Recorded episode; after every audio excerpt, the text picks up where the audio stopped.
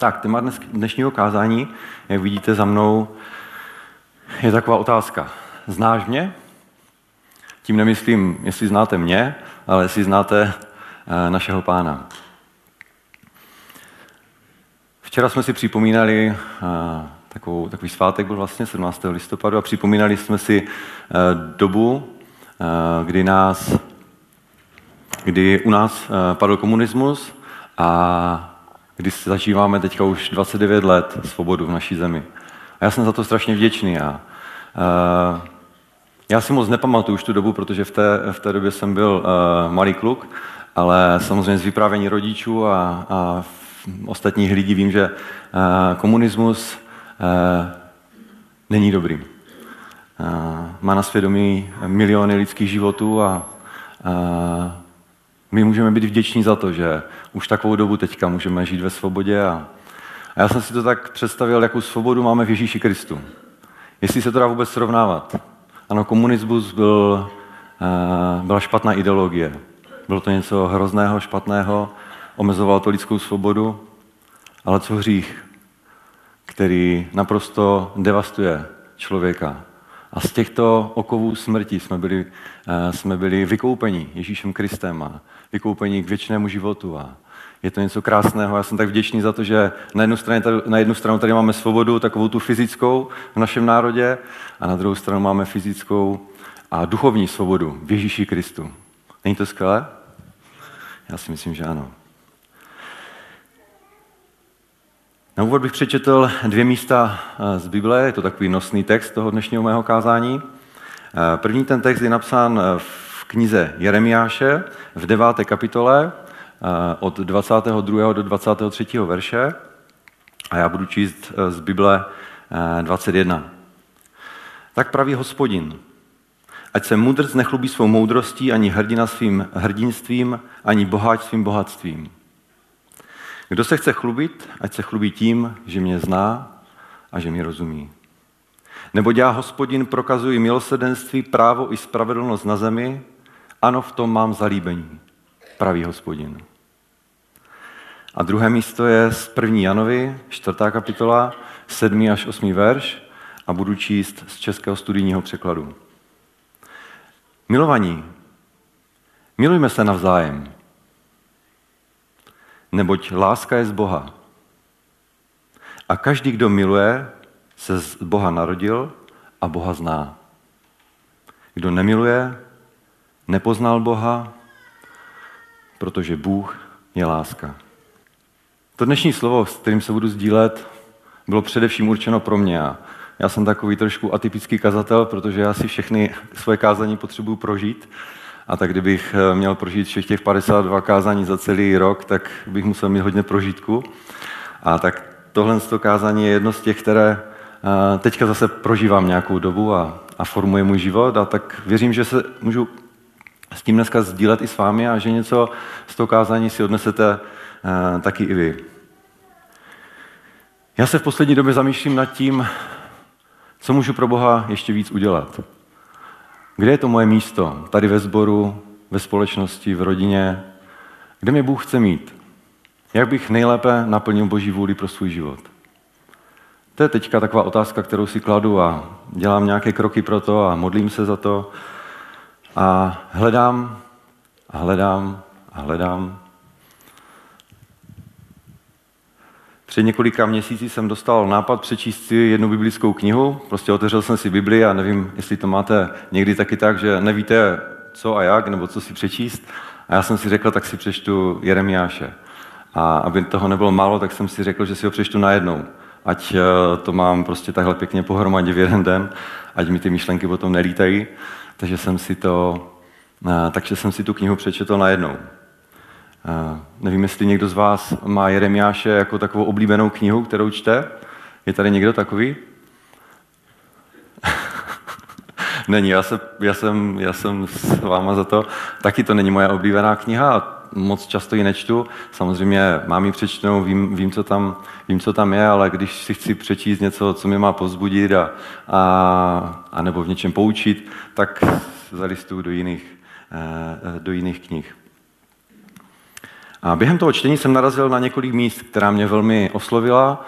A já mám takovou starou ošumtělou Bibli, takže já si tam zvýrazňovačem zvýrazňuju prostě věci, které mě zaujaly. A jedno z těch slov je právě to dnešní, z té deváté kapitoly. Na mě zpočátku působilo takovým celkem pozitivním dojmem. Spíše se mi, se mi zdálo, že je to pozbuzení než nějaké napomenutí. A, a tak jsem si ho prostě zaškrtal a měl jsem s něho takový, takový dobrý pocit. A říkal jsem si, jo, to je pěkné slovo, takový ten veršík, který si třeba napíšete a připnete si ho třeba na ledničku, abyste se na něho každý den mohli dívat. Takový ten, takový ten pěkný, hezký veršík. A, ale když jsem se s ním sdělal na skupince, naší úterní, tak jsem ho tam přečetl s takovým tím úvodem, že se tam prostě sdílíme, a tak já jsem přečetl tady tohle slovo. A někdo tam dodal, jestli je vůbec čím se chlubit. Protože ten ústřední motiv eh, toho, eh, toho místa z Jeremiáše je, kdo se chce chlubit, ať se chlubí tím, že mě zná a že mi rozumí. A někdo tam tak pěkně nahodil, a jestli je vůbec čím se chlubit. A to je dneska cíl mého kázání. Kladu si otázku, znáš Boha? Víš, jaký je? Jaké jsou jeho úmysly? Víš, o čem přemýšlí? Víš, na čemu záleží? Při přečtení knihy Jeremiáše jsem si znovu připomněl také, v jaké době Jeremiáš žil a v jakém stavu byl tehdejší Izrael. Udělejme si teďka na začátek takový krátký exkurs eh, do doby eh, proroka Jeremiáše, abychom lepše, lépe pochopili to dnešní slovo. Můj první bod teda je, v jaké době Jeremiáš žil a sloužil. Jeremiáš se narodil v kněžské rodině v Anatonu, někde v 13. roce vlády krále Jošiáše. Kdo z vás zná krále Jošiáše? Pár vás tady určitě zná. Je to takový reformátor. Za jeho vlády došlo k velké obnově v Izraeli. A někde v té 13. roce vlády krále Jošiáše eh, začal prorokovat a byl povolán do služby taky Jeremiáš. Je to někde kolem roku 627 před naším letopočtem. Jeho služba trvala až do doby vlastně eh, toho babylonského zajetí, to znamená rok 587 před naším letopočtem. A Izrael v té době byl ve velmi zuboženém duchovním stavu. Eh, můžeme to číst, když si čtete to období v, tom sedmém století před, eh, před Kristem, v jakém stavu byl Izrael, eh, tak mě upřímně se chce plakat z toho. Jo. Je to velmi, velmi špatná doba, Izrael jde nahoru, dolů, nahoru, dolů, ale ta tendence po celou tu dobu je spíše, že Izrael odpadá od Boha a výsledkem toho všeho je babylonské zajetí a odvlečení do zajetí v Babyloně. A to je vlastně soud, který vykonal Bůh nad, nad Izraelem. V, to, v té době, kdy se Jeremiáš, eh, kdy byl Jeremiáš pozván do toho, aby, aby sloužil Izraeli, eh, tak ten duchovní stav Izraele byl velmi špatný. A já si myslím, že to bylo zapříčiněno, zapříčiněno i tím, eh, jaký králové tam v té době vládli. Ten, který byl těsně předtím, než Jeremiáš začal působit, byl král Menaše. Byl to velmi zlý člověk, byl to velmi zlý král, jeho otcem byl sice zbožný Chyskiáš, ale jakoby na tom svém synovi, nevím proč, ale jakoby na něm vůbec nic z toho Chyskiáše nezůstalo. Byl to člověk úplně skažený, špatný, dělal věci naprosto špatné a je považován za vůbec nejhoršího krále judského království, jaký kdy byl. Je o něm napsáno, že vybudoval posvátná návrší, postavil zpět oltáře Bálovi, klaněl se nebeským zástupům, Věnoval se hádačství, čarování, magii, znesvětil dokonce chrám. Chrám, který byl určený proto, aby tam přebývalo hospodinovo jméno. Znesvětil ho tím, že tam se začal klanět těmto přeludům a těmto výtvorům lidské fantazie. Nechal dokonce obětovat vlastního syna Bohu Molekovi, jak je napsáno v 2. královské 21. kapitole v 6. verši. A to je v přímém rozporu s božím zákonem, který byl dán Mojžíšovi. Nedopustíš, aby někdo z tvých potomků byl přiveden v oběť Molekovi. Cituju to slovo. Neznesvětíš jméno svého Boha, já jsem hospodin. Nevím, jestli víte, kdo to byl Molek, nebo ten Bůh, kterému obětovali ty novorozené děti. Byla to opravdu odporná, hnusná modla amonických, která byla stvárněna takovou bronzovou sochou. Měla hlavu telete, byl to vlastně takový dutý válec v podobě jako kdyby lidského těla s napřeženýma rukama. A při těch obětech, které byly vykonávány v Izraeli, ale i v těch zemích kolem Izraele, přinášely se ty novorozené děti. Ta socha byla dutá a ona se rozpálila uhlím na co nejvyšší teplotu a ty děti byly přinášeny na ty, na ty um, upažené ruce. A když je tam položili, tak oni tím žárem prostě propadli do toho ohniště a zaživa byli upáleny. A tenhle ten král tohle to prováděl v Izraeli. Do téhle doby Jeremiáš je povolán jako prorok, aby napravoval cesty Izraele. Svým životem Judu svedl Menaše k pádu. Překročil už určitou mez, eh, za kterou už jako kdyby se nebylo možné vrátit zpátky. Už překročil vrchovatě tu míru, kterou byl schopen Bůh ještě tolerovat. A od té doby vidíme, že duchovní stav Izraele, i když tam byly nějaké ty reformy eh, Jošiášova a, a tak dále, tak už pod, po, na, tom, eh, na tom izraelském národu je sice udělali takové malé výkyvy, ale ta tendence byla už to, že prostě nebylo cesty zpět.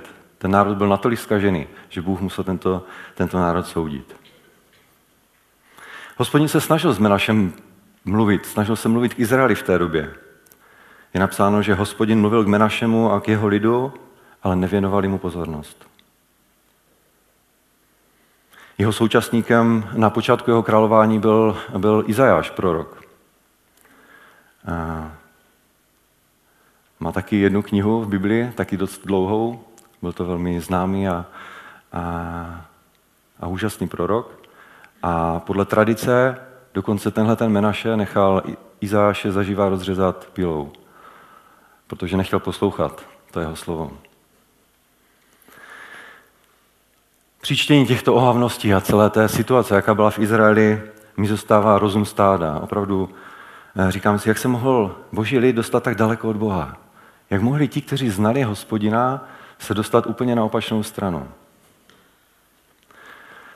Pak jsem si úplně liboval v tom, jak jsem četl dál o tom králi Menašem, že byl poslán asyrský velitel vojsk, který ho zajal a je napsáno, že jako dobytek ho odvedl, oni mu dali kroužek do nosa, odvedli ho do Asyrie, tam ho spoutali okovy a uvrhli ho do žaláře.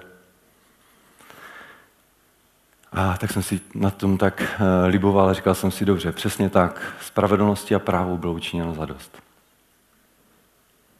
Velmi trefně hospodin zhrnuje dobu, ve které žil Jeremiáš ve, čtvrt, ve čtvrté kapitole knihy Jeremiáše ve 22. verši. Vždyť můj lid je jako hlupák. Neznají mě.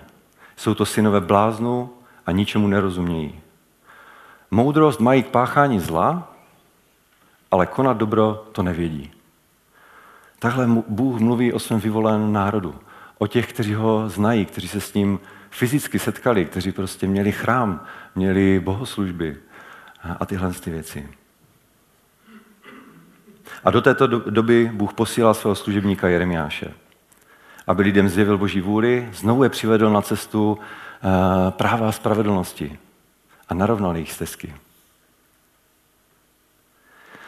Tak to byl můj první bod. Já myslím, že byl velmi ponurý, ale myslím, že se dostaneme dál a uvidíte, jak krásný je Bůh a a můj druhý bod teďka je, který navazuje vlastně na první část eh, toho, mm, toho dnešního textu, je 20, 22. verše, kde je napsáno, tak praví hospodin, ať se mudrc nechlubí svou moudrostí, ani hrdina svým hrdinstvím, ani boháč svým bohatstvím. Chlubili jste se někdy něčím? Ne? Já myslím, že každý aspoň trošku, to. Někdy jsme se něčím chlubili. Eh, je zajímavé, že v tom originálním textu v hebrejštině je to slovo chlubit. Eh, my ho bereme jako takové eh, trošku závadné, že, že to je něco, jako že se povyšujeme, chlubíme, nebo je to prostě, není to úplně, úplně jako košer, košer slovo, ale v tom hebrejském textu tam je kořen slova halel. Vy určitě znáte slovo haleluja, tak je to kořen z toho slova a to znamená chválit. Haleluja znamená chválit hospodina a to slovo, které je tam použité, chválit. Takže nemusí to být zrovna, že se chlubíte, ale že se někdy něčím chválíte, že jste prostě něco dobře udělali. A já myslím, že každý z nás jsme někdy něco takového zažili. A čím se lidé tak nejčastěji chlubí? Mě to zajímalo, tak jsem trošku zabrouzdal na internetu a našel jsem jednu anketu jednoho rádia. A tam byla přímo tahle ta otázka. Čím se Češi nejvíce chlubí v životě? Na prvním místě eh, se umístilo, eh, se umístilo, jo, Češi se nejvíce chlubí svými dětmi. Eh, na druhém místě, hm, ta odpověď je poplatná tomu rádiu, které poslouchají ti lidi, takže na druhém místě, kolik toho vypili minulou noc. Nebylo tam řečeno, jestli mléka, nebo džusu, nebo vody, ale asi všichni víme, že to bylo, že to bylo nějaké bujare veselí a alkohol a tak dále, takže tím se Češi prý nejvíc chlubí. A za třetí se nejvíc chlubí, nebo na třetím místě se umístil majetek. Prostě chlubíme se tím, nebo Češi se chlubí tím, kolik toho mají, kolik toho vydělají, jak jsou bohatí, co si můžou všechno dovolit. Nedávno jsem byl svědkem, nechtěným svědkem takového rozhovoru dvou maminek,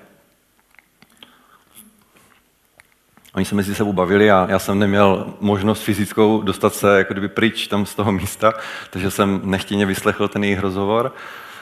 A ty maminky se mezi sebou bavili a bavili se tak různě a potom přišla řeč samozřejmě na jejich děti a bavili se o tom, jaké má každá z nich to svoje dítě a jak jsou ty děti skvělé a dobré a nejlepší. A já jsem to tak uh, nechtěně poslouchal a pak jsem z toho za chvíli měl takový dojem, že Eh, že to jsou ty nejlepší děti na světě a, a že, že vlastně ta jedna žena je maminkou křížence nějakého Einsteina s Jardou Jágrem a, a ten druhý, ta druhá žena zase křížence, nevím, Mozarta s, s Maradonou, nebo já nevím koho.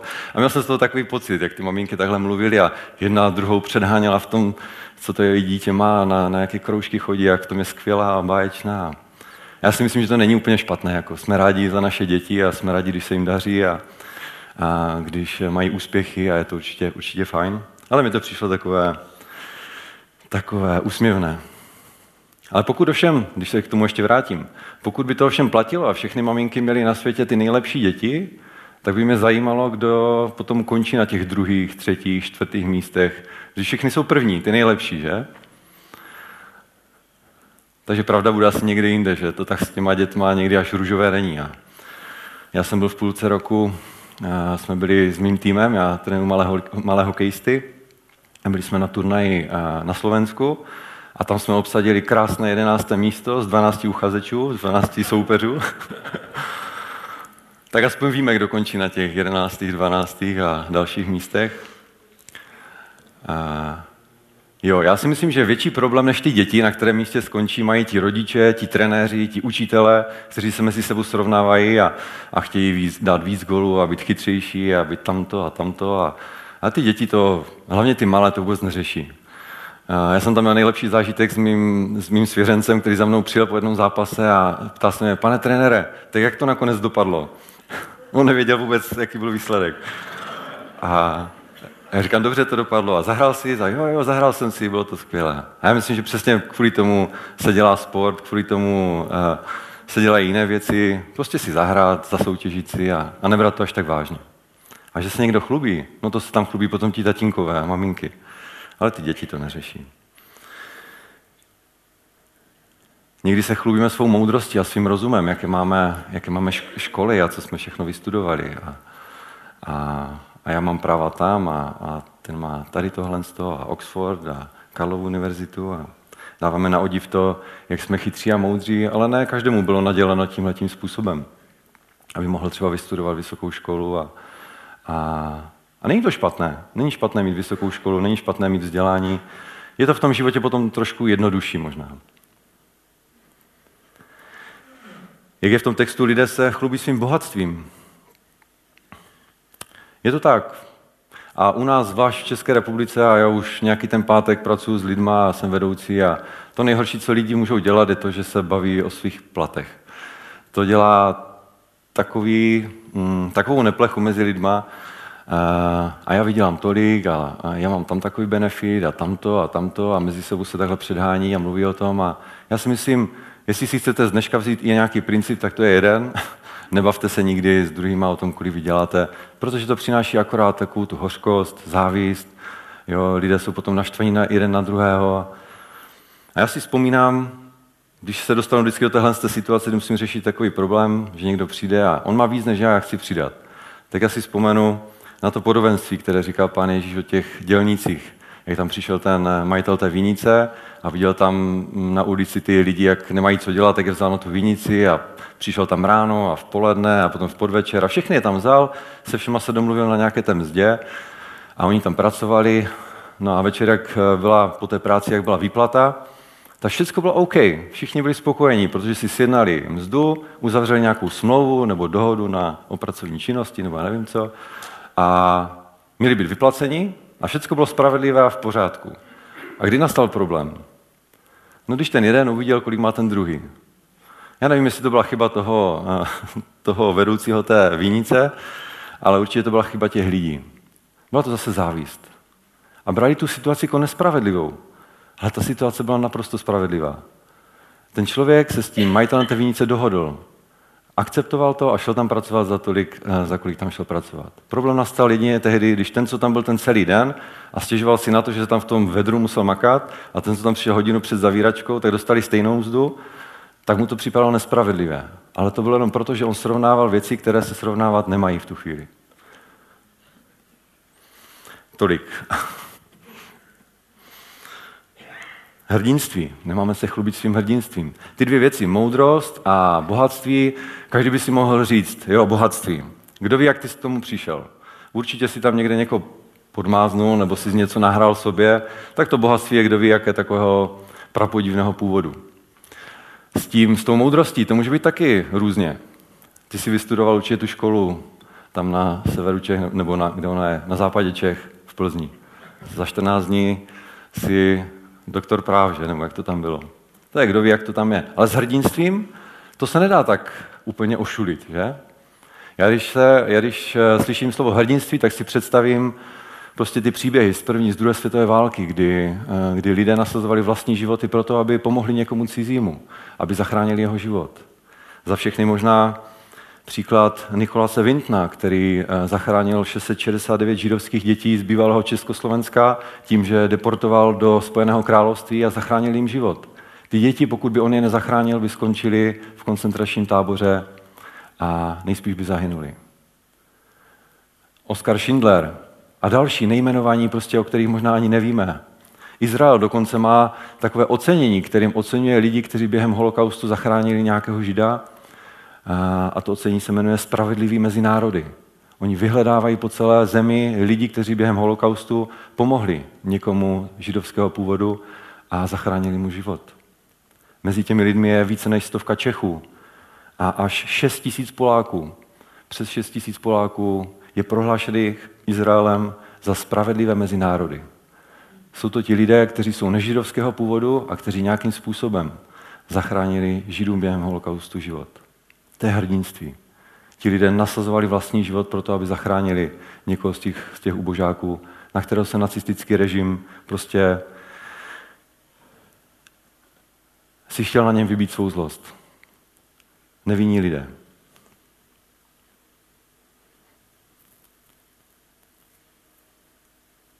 Mně se líbí na tom úseku toho, toho Jeremiáše, že Bůh tam tomu Izraeli mluví takovým laskavým způsobem.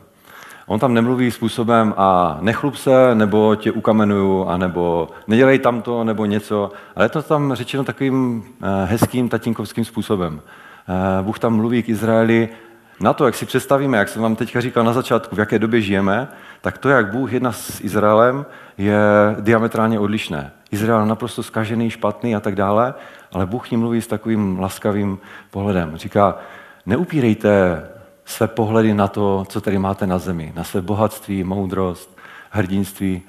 To jsou věci, které pomíjejí. Oni tady teďka jsou, ale zítra už to všechno může být jinak. Jinými slovy, Bůh nám říká, nesoustřeďte se sami na sebe, na to, co jste schopni svými silami, svými schopnostmi, svou moudrostí dokázat. Ale dívejte se na mě. Pojďte, já vám ukážu něco, jaký já jsem. A zkuste mě poznat. A zkuste být takový, jako jsem já. A to je můj třetí bod. Čím se máme chlubit? A neb Bůh obrací pozornost na sebe. Bůh nás chce zaměřit na sebe a proto odvádí naši pozornost od pomývých věcí tohoto světa k věčným hodnotám. V Jeremiáši v té deváté kapitole, 23. verš, to je ta druhá část toho dnešního úseku, je napsáno, kdo se chce chlubit, ať se chlubí tím, že mě zná a že mi rozumí. Nebo já, hospodin, prokazuji milosrdenství, právo i spravedlnost na zemi, ano, v tom mám zalíbení. Pravý hospodin. Já když jsem si přečetl tu větu, která uvozuje eh, vlastně ten 23. verš, tak jsem měl takový nějaký pocit, že tu větu, jako kdyby tu konstrukci té věty už jsem někde podobně jako kdyby zahledl v Biblii, nebo jsem ji někde slyšel.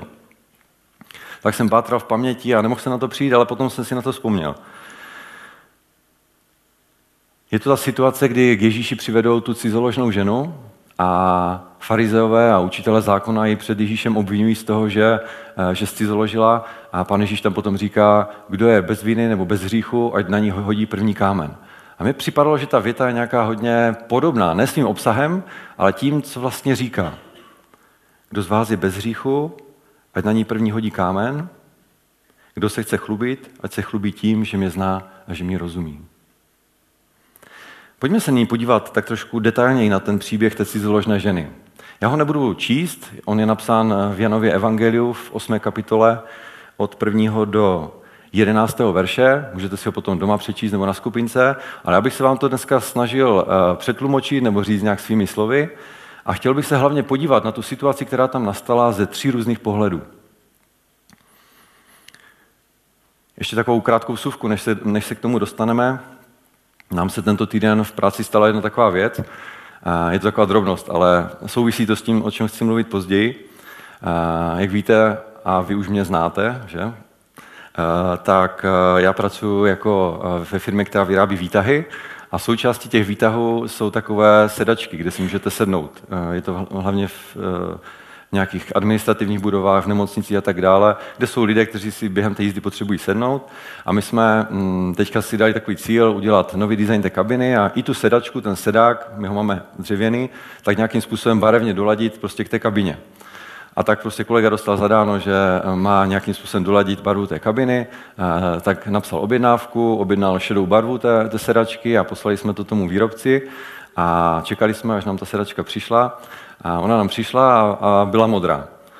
A, tak my jsme volali tomu dodavateli a on, ne, ne, ona je, ona je šedá, taková trošku lehce, lehce do modra. Ale ona byla taková, jak tady má sestra to, to tričko, asi taková azurová prostě, jo? Taková, taková barva.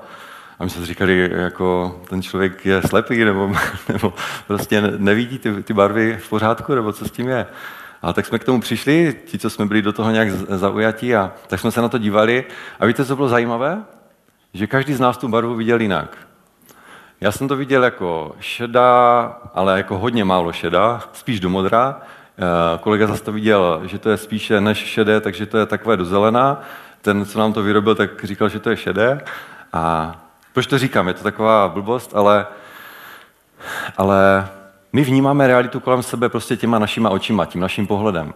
Díváme se na situace eh, prostě jenom z toho našeho pohledu. Nemáme tu fyzickou možnost a mě to v tu chvíli napadlo. Jak jsme se tam s klukama nad tím smáli, tak říkám, ty to by bylo skvělé, kdybych já mohl prostě vzít ty tvoje oči a podívat se na to tak, jak to vidíš ty. Ale prostě to fyzicky nejde. nejde nemůžeme se podívat na svět prostě tvýma očima. A Jo, tak ta sedačka nakonec dopadlo to dobře, eh, bude nová šedá už konečně, už nebude šedomodrá. Ale proč, co jsem tím chtěl říct? Já bych se chtěl i na ten příběh té cizoložné ženy podívat ze tří různých pohledů. A my máme tu jedinečnou možnost, že se můžeme podívat na to z pohledu těch zúčastněných. O co tam šlo? Eh, Ježíš se v chrámu chystá vyučovat lidi je v chrámu, zase se kolem něho se skupí lidé a on se chystá vyučovat. To znamená, říká jim o božím království a tak dále. Známe to z Matoušova evangelia. Měli jsme tady celou sérii kázání, tak víme, eh, co Ježíš vyučoval, co kázal, co přinesl vlastně tady na zem a co zvěstoval, boží milosrdenství, milost, odpuštění a tak dále. A najednou slyší pozdáli nějaký halas, nějaký hluk a teďka nějaký dav žene před sebou ženu a žene ji směrem právě k Ježíši a k tomu zástupu, který tam byl. Postaví tam uprostřed toho schromáždění a ti, kdo ji tam přivedli, tak to byli farizové a učitele zákona a obvinili tu ženu, že byla přistížena při cizoložství. Lamentují tam a, a prostě obvinují tu, tu ženu a říkají, ona byla přistížená, že cizoloží. A Mojžíšův zákon nám říká, že takové máme, co? Víte to? Kamenovat. Takové máme kamenovat. Mojžíšův zákon říká, že takové máme kamenovat. Přivedli tam teda k Ježíši a upřou zrak na Ježíše a ptají se ho, a co říkáš ty na tuhle situaci? Musím říct, že Ježíš se ocitá ve velmi prekérní situaci, protože ti farizové a ti zákonníci tam přivedli tu ženu a chtěli ho napálit. Je to tam napsané i v tom místě. Chtěli ho prostě uh, přivést do úzkých a chtěli, aby odpověděl buď jedním nebo druhým způsobem. Jedním způsobem, kdyby odpověděl, tak to byl ten způsob, který chtěli ti zákonníci slyšet. To znamená, že ta žena je vina a že zasluhuje smrt. To by znamenalo, že se naplní boží právo a uplatní se spravedlnost. To je ten jeden pohled. Jenže co ten pohled v sobě skrývá? Pán Ježíš tady vyučuje o milosrdenství, o odpuštění hříchu, vyučuje tady o tom, že eh, kdo se kaje před hospodinem, tak bude mu odpuštěno. A teď, kdyby řekl, že ta žena je vina, ona byla vina. A že zasluhuje smrt, ano, zasluhuje smrt, protože to Mojžíšův zákon říká. Tak celá ta skupina lidí, která tam byla, i ti všichni ostatní, které za celou tu dobu vyučoval, by si řekl, ale tak co nám to tady povídáš? Ty kažeš eh, vodu a piješ víno, nebo jak to je s tebou? Druhá odpověď, která by v tu chvíli mohla, mohla přijít eh, na řadu, by bylo, že, jí, že by ji odpustil. Ale v tom je taky úskalý, protože kdyby ji odpustil, tak co by se stalo? No pošlapal by tím pádem Mojžíšův zákon, protože Mojžíš, Mojžíšův zákon mluví jasně. Kdo bude přistížen při cizoložství, tak jak ten muž, tak ta žena mají být prostě připraveni o život. No jak z toho ven? Já si představuju, a škoda, že to tak není, Bible je jako taková učebnice. A znáte učebnice? Určitě jste chodili do školy, je tam vždycky nějaký, nějaký text, který si přečtete a na konci jsou nějaké otázky, ale na ty otázky tam není odpověď. Že? Pokud je, tak je někde vzadu v tom klíči, že si otočíte třeba tu knížku a najdete tam odpověď na tu otázku. Bible, škoda, že Bible taková není. Protože by bylo fajn to sledovat, kdyby jsme dospěli do tohohle z toho stavu, když ti farizové a učitelé zákona položili tu otázku tomu Ježíši a teď by tam bylo řečeno, tak ty, Tomáši a Aleši a já nevím, kdo všechno, Manfrede, odpovězte, jak byste v tuhle tu chvíli se zachovali. To by bylo fajn. My víme, jak ten příběh dopadl, my víme, jak to všechno, jak to všechno je. Ale co se tam teďka odehrávalo v tu chvíli? Ježíš byl v nelehké situaci. Stojí tam, ti tam na něho pořád, eh, pořád hučí, ať se vyjádří, ať řekne, co teda s tím, ať, ať vlastně eh, rozlouskne tu situaci. No a pojďme se podívat na tu situaci z pohledu těch tří lidí, kteří jsou toho účastní. Je to ta žena, jsou to ti farizové, učitele zákona a potom je to ten pohled Ježíše Krista. Vezme, vezměme ten, ten nejjednodušší pohled, a to je ta žena. Eh, z jeho pohledu, kdybychom mohli jako kdyby vstoupit do ní a podívat se jíma očima na tu situaci, tak to vidí velmi černě. Eh, zřešila eh, tím, že tam není napsáno, že by se nějakým způsobem bránila nebo, nebo něco, tak to nejspíš bylo pravdivé naštění.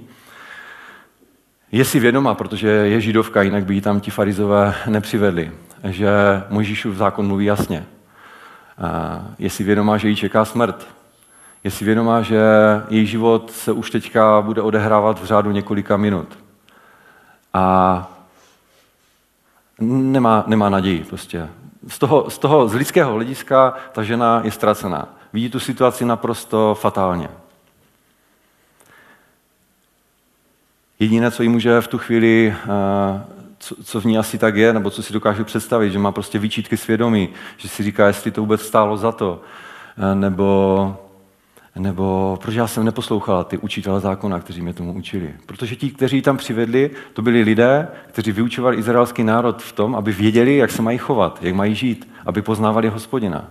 A ona si mohla říct, škoda, že já jsem nebyla na té lekci prostě v té škole, když se tohle to probíralo. Chyběla jsem tam a já to zlehčuju. Ona určitě věděla, co dělá. A a co dává v šanc. Tak to je pohled té ženy. Velmi temný, velmi, velmi ponurý, bez naděje. Teďka pohled těch farizeů a učitelů zákona. Ti se dívají na tu situaci jiným způsobem.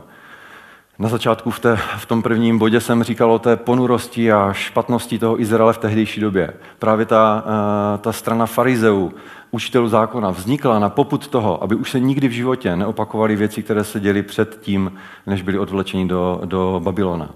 Byli to farizové, kteří chtěli pročišťovat boží národ do všeho špatného, od hříšných věcí. Chtěli vyučovat boží lid známosti hospodina, aby věděli, jaký je Bůh, na čemu záleží, jaký je tluk od jeho srdce. Ti učitelé zákona, ti farizové tam byli proto, aby hlídali ty normy, ty, to právo a uplatňovali spravedlnost. A oni tam přivedli tu ženu právě z toho titulu, aby očistili Izrael od dalšího hříšníka, aby naplnili do puntíku spravedlnost a právo Mojžíšovo, nebo které bylo dáno přes Mojžíše. A ještě k tomu měli jeden takový bonus navíc. Pokud se nám tohle podaří, tak ještě odsoudíme i toho, který tam bude soudit. Oni tam přišli hlavně kvůli Ježíši. Ta žena, dobře, takových už kamenovali mnoho, ale ten Ježíš, o toho, o toho jim šlo. Zničit, zneškodnit toho Ježíše. A to byl další důvod, proč tam byli. No a teď se pojďme podívat na tu situaci z pohledu Ježíše. Tak on tam vidí na jedné straně toho člověka, já bych řekl ubožáka, protože ten člověk uh, jde vlastně na smrt. Který zřešil, právem bude odsouzen a bude mu dáno to, co si zaslouží. To znamená, bude naplněno právo a spravedlnost. Pak tam vidíte učitele zákona a farize, jak dychtí a hodlí proto, aby byl Izrael očištěn od dalšího hříšníka, od další možného eh, kvasu, který by se dostal do jejich eh, středu a který by zase mohl způsobit nějaký, nějaké odpadnutí od hospodina.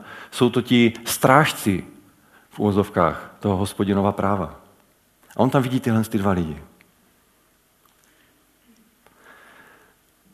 Kdo v té situaci z těch tří zná Boha nejlépe? Ta žena?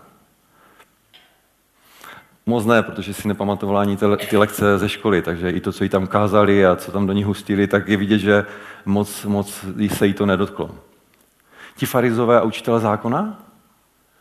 Ti už jsou trošku lepší sorta. Ti už znají Bibli, nechci říct líp než Ježíš, ale myslím si, že ji znají hodně dobře.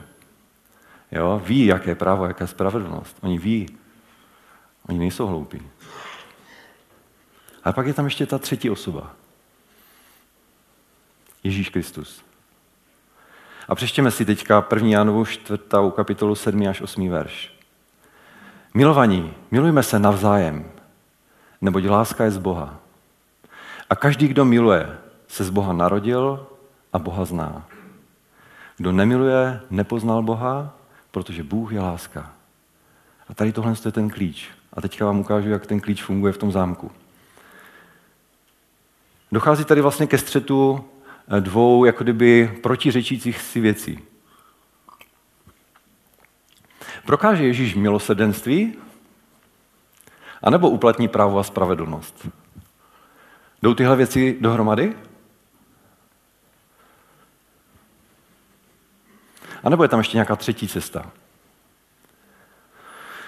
Já dneska ráno, ještě když jsem se před dnešním schromážděním modlil a trošku jsem si ještě revidoval to kázání, tak jsem uh, prostě si ještě zabrouzdal na internet a přečetl jsem si, přečetl jsem si něco, uh, co před asi dvěma lety řekl papež František a zapsal jsem si to tady. A já bych vám to teďka přečetl. Jak skloubit milosedenství s požadavkem spravedlnosti? Zeptal se papež František hned v úvodu své promluvy. Může se zdát, pokračoval, že jsou to dva neslučitelné protiklady. Ale ve skutečnosti tomu tak není, protože právě boží milosedenství naplňuje opravdovou spravedlnost, řekl František. Následně ovšem upozornil na nutnost si uvědomit, o jakou spravedlnost tu jde. Existuje totiž tzv. spravedlnost retribuční, která trestá vyníka podle principu, každý má dostat, co mu náleží. To je ta situace těch farizeů. Farizové se dívají na tu situaci, každý má dostat, co mu náleží. V tom případě se podle papeže nejedná o spravedlnost, ale úplnou. Tato cesta však ještě nevede k opravdové spravedlnosti, protože ve skutečnosti zlo nepřemáhá, ale pouze ho zastavuje. Takže to, že uplatníme právo a spravedlnost, ještě neřeší ten problém. On ten problém pouze zastaví. Jedině odpověď dobra může doopravdy přemoci zlo. Přemáhej zlo dobrem je návod ke zjednání dokonalé spravedlnosti, kterou předkládá Bible jako výzvu pro každého. Jde o postup, který se neodvolává na soudce, ale spočívá v tom, že se na oběť, že se oběť obrací přímo k výníkovi a vyzývá ji k obrácení. Pomáhá mu pochopit, že jedná špatně, odvolává se na jeho svědomí a ten, když nakonec prozře a uzná své pochybení, může se otevřít odpuštění, kterému, se, kterému nabízí poškozená strana. Mě to úplně otevřelo oči v tu chvíli, protože v té situaci, ve které byl Ježíš, tam se nejednalo o dvě různé cesty a vybrat si buď doleva nebo doprava. Tam bylo o to pochopit, jak milosrdenství a právo a spravedlnost fungují dohromady.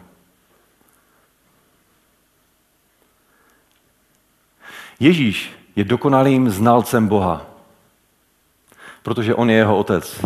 Jak je napsáno v Janově eh, Evangeliu v 10. kapitole v 30. verši. Já a otec jsme jedno. Ježíš zná otce nejlépe ze všech, protože on a otec jsou jedno. Proto celou tu situaci prochází s noblesou a s nadhledem on ví, jaký je jeho otec. Ukazuje nám, že Bůh o nás přemýšlí líp než ostatní lidé. A Bůh o nás přemýšlí ještě líp než my sami o sobě. Bůh má zalíbení v prokazování milosedenství. To je jeho povaha. To je to, jaký Bůh je. My víme, jak ten příběh dopadl. Pán Ježíš řekl tu památnou větu, kdo je bez hříchu, kdo je bez viny, ať první hodí kámen. On neřešil tohle nebo tamto. On viděl člověka. Člověka strápeného, hříšného, který potřebuje záchranu. Viděl tam i tu spravedlivou potřebu těch farizeů pročistit izraelský národ. Ale on ty dvě věci dal dohromady. Prokázal té ženě milosedenství. Milosedenství znamená, že je nám odpuštěný hřích nebo vina, kterou máme pravoplatně na sobě. To je milosedenství. Jsem vinný a je mi tato vina prominuta. Ale tím nepopíráme spravedlnost a právo, ale právě ho naplňujeme. Protože milosedenství pomáhá k tomu, ne, spravedlnost a právo nám pomáhá k tomu, abychom zastavili zlo. A milosedenství nám pomáhá k tomu, abychom přivedli člověka k pokání. A to vyřeší celou tu situaci. Ne, že jenom zastavíme zlo, to znamená, že zabijeme toho hříšníka, ale toho hříšníka obrátíme, ukážeme mu správnou cestu a ta správná cesta skončí tak, že ten člověk bude zachráněný. To je boží milosrdenství, právo a spravedlnost v jednom. Není to doleva nebo doprava, ale je to tohle dohromady. Známe takového Boha? Znáš ho takového? Jaký Bůh vlastně je? Je především milosrdný. Vraťme se na chvíli ještě k tomu bezbožnému králi Menašem. My jsme ho opustili v té, v tom, v té chvíli, kdy, kdy tam někde úpí v tom asyrském vězení a je tam spoután těmi okovy a čeká ho kdo ví co. Asyřané byli velmi krutí a, a nemazili se s někým a Menaše tam teďka sedí sám, má ten kroužek, je odveden jako dobytek z Izraele pryč.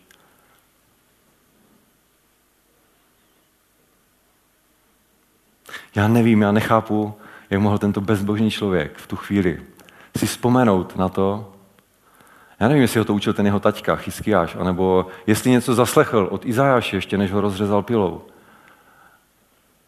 Že když přijde hříšník k Bohu a začne se kát, tak mu Bůh odpouští protože Bůh je milosrdný. Neznamená to, že by zapomněl na tu právo a spravedlnost.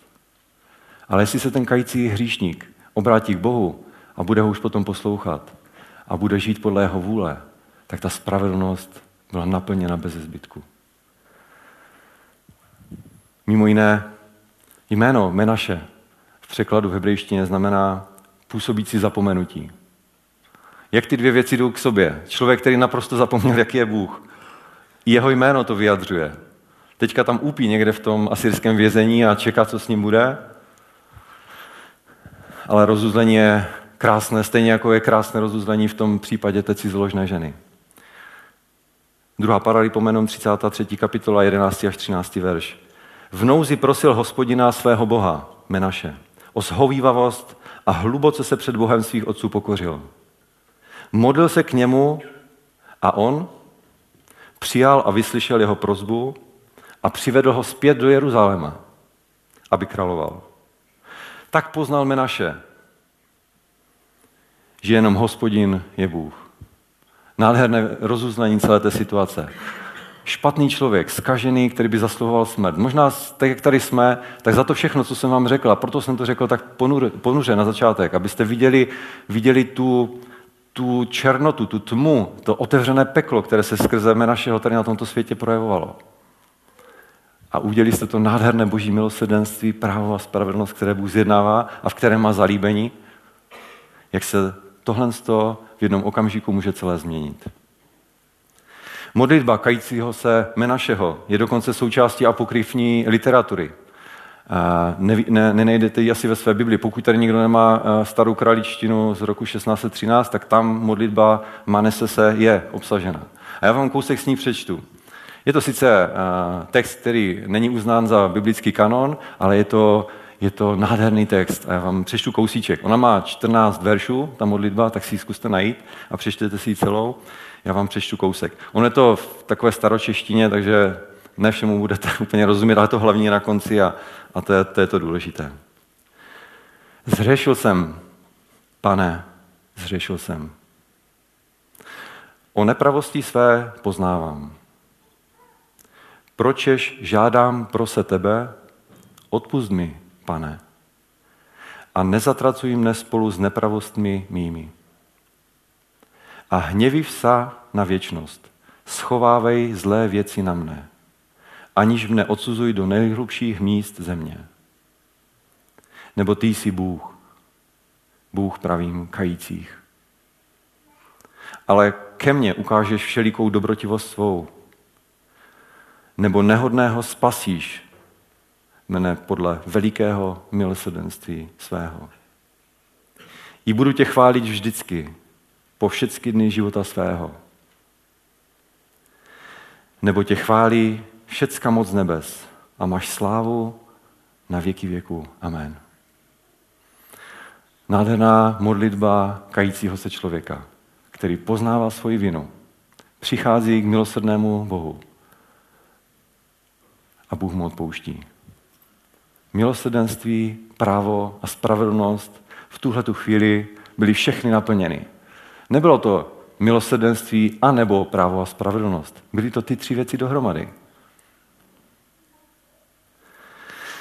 A já když jsem si to uvědomil, a tak já jsem říkal na počátku, to slovo, které mm, tady dneska říkám, bylo především pro mě a v tom kontextu toho, jak se zamýšlím nad svým životem a nad svou službou a nad tím, co mám v životě dál, dál dělat a, a kde je to moje místo, tak jako kdyby mě Bůh chtěl zastavit a, a říct mi, možná znáš spoustu věcí o mně, možná se přečetl spoustu knih a hodněkrát si přečetl Bibli a, a znáš mě možná tak teoreticky.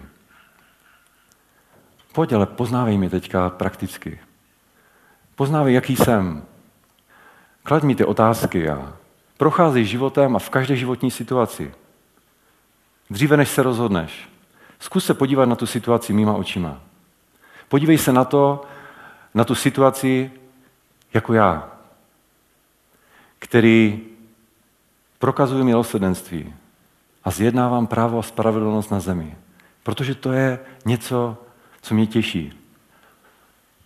To je něco, co mě charakterizuje. Takový já jsem.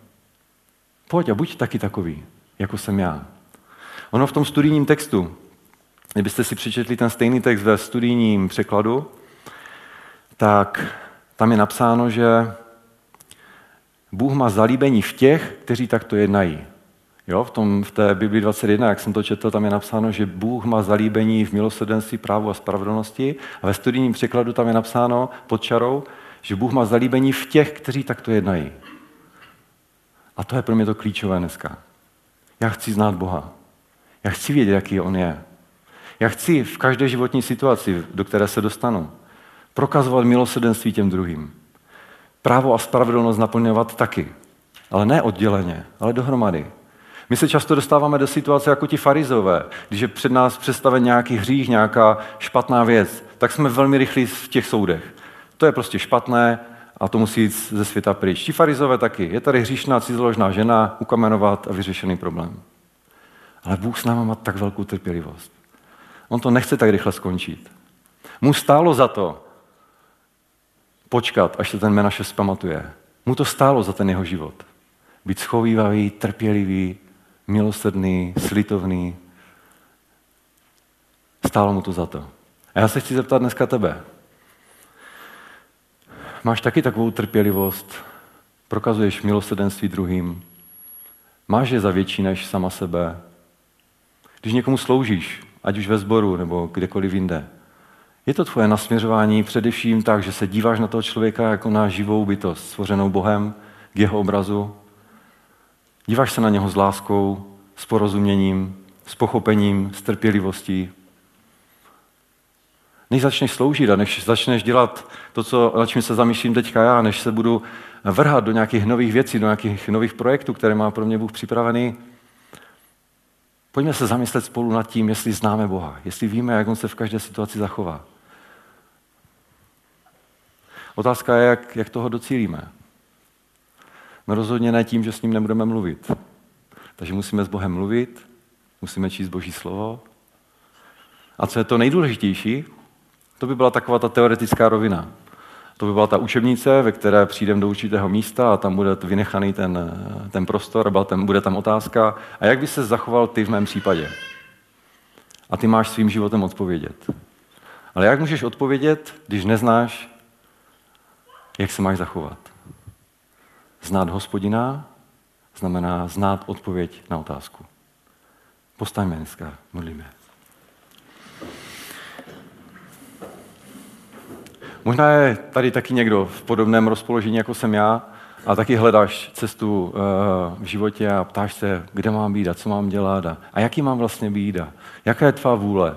To jsou všechno synonyma podobné otázky a, já ti chci dneska říct, že uh, důležité pro Boha je to, aby si ho znal, abyste byli dobří přátelé, abyste spolu trávili čas, aby jste měli tu intimní chvíli, kdy budeš prostě sám s Bohem, tváří v tvář, budeš se s ním k němu modlit, budeš si s ním povídat, budeš naslouchat tomu, co říká on tobě. Nebudeš jako z kulometu střílet ty své modlitby a prozby a všechno, co dej mě a mě a já chci tohle. Ale budete komunikovat, budeme komunikovat s Bohem. Budeme číst Bibli, protože Bible je studnice těch poznání. Ona je lepší než učebnice, protože v té naší učebnici v Biblii jsou i odpovědi na naše otázky. Ale pak je ta praktická věc. Teď, když se zbalíme a půjdeme domů, uplatňujme ty věci, které víme, které známe o Bohu v našich každodenních životech. Pak už se nemusíme ptát Boha, a jak to má být, a jak tam to, a jak tam to. Prostě budeme žít tak, jak je nám to přirozené, protože mu budeme podobní. Budeme takový, jako je on. Budeme jednat tak, jako Ježíš jednal v té chvíli s tou cizoložnicí. On věděl, co má udělat. On byl dokonce v takovém stavu, že oni, když tam na něho tlačili a ptali se ho na tu odpověď, tak on si tam něco čmáral po zemi. On byl naprosto v klidu v té situaci, protože on nebyl vystresovaný a nepotili se mu ruce a, a neměl rozklepaný hlas, protože vlastně nevěděl, co má dělat. A on byl naprosto v klidu, on byl nad věcí. A proč? Protože on a otec byli jedno. On přesně věděl, jak ta situace má vypadat, jak má dopadnout. A pojďme se teďka modlit. Pane, já ti tak děkuju za, za to slovo a za, za to dnešní schromáždění a já tak věřím a doufám, že kromě mě přinese to slovo užitek i někomu jinému. A to, co jsem chtěl dneska ukázat a to, co jsi mi ukázal v těch posledních týdnech a dnech eh, mě, tak, eh, tak mě dostalo, pane. Děkuji ti za to, že ty se na člověka nedíváš jako eh, se na něho dívají ti farizeové. Že ty nás nechceš jenom odsoudit za ty špatné věci, Ano, ty zjednáváš právo a spravedlnost, na tom ti záleží. Ty jsi svatý a vedle tvé, eh, tvé, tvé majestátnosti nemůže být žádný hřích. Ale ty zjednáváš právo a spravedlnost, ale jedině v součinnosti s milosedenstvím.